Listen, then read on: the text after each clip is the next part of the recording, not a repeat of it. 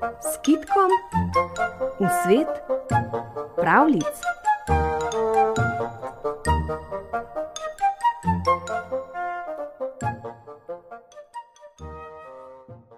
Kako je medved izgubil dolgo dlako?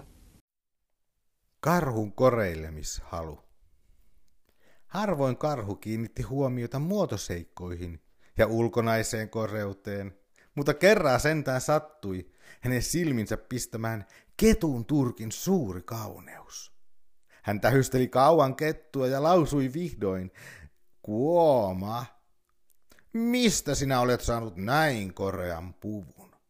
Minäkö? Nousin kerran heinäsuovan päälle ja annoin pistää tulen sen alle.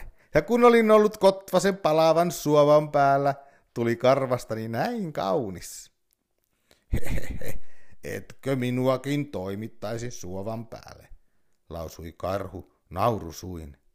Minäkin tahtoisin saada samanlaisen kauniin karvan. Hyvin mielelläni, tuossa onkin heinäsuova, hei muuta kuin mennään sen luo.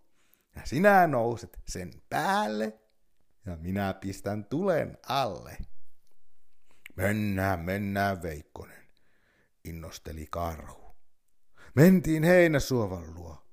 Karhu kömpi sen päälle ja kettu pisti tulen alle.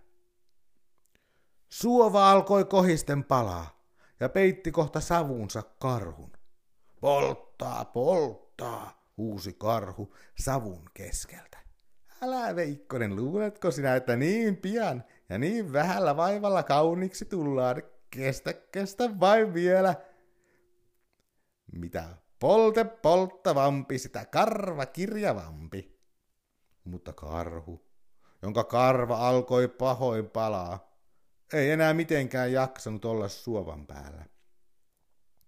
Vaan hyppäsi korvat pystyssä ja silmät harallaan sieltä kohti metsää, jossa syöksyi ensimmäiseen ojaan, turkkiaan sammuttelemaan ja ihoaan jäähdyttelemään.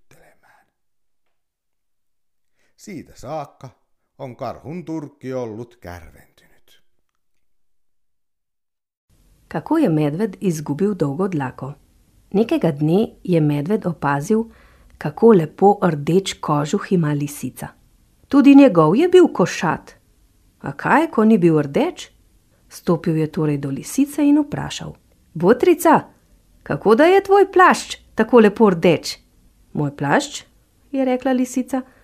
No, zlezla sem na kopo sena, prijatelji so jo od spodaj malo počgali in tako je moj plašč zagorel in je še danes zelo lepo rdeč. Tako sem ga dobila. Krasno, botrica, je rekel medved, potem mi lahko pomagaš? Veš, kje je kakšna kopa sena? Ravno tam čez polje, je rekla lisica, in si ni mogla kaj, da se ne bi smejala. In sta šla, in je medved res zlezel na kopo sena. In je še priganjal lisico: Dajmo, botrica, počgi, počgi! Lisica je zanetila ogenj in medved ga je kaj hitro začutil. Peče, botrica, uh, kako peče, je rekel, naj skočim dol? Ne, počakaj še malo, saj vidiš, da nisi še gotov, je rekla lisica. Takrat pa je zapihal veter. Ogen se je razplamtel in medvedu posmodil vso prekrasno dolgo dlako. Skočil je skope in zdirjal v potok. Čakaj, le čakaj, je klical za lisico, te že dobim. A lisice ni bilo nikjer več. Medvedov kožuh pa je od tedaj temen in grob, kot da je ves osmojen.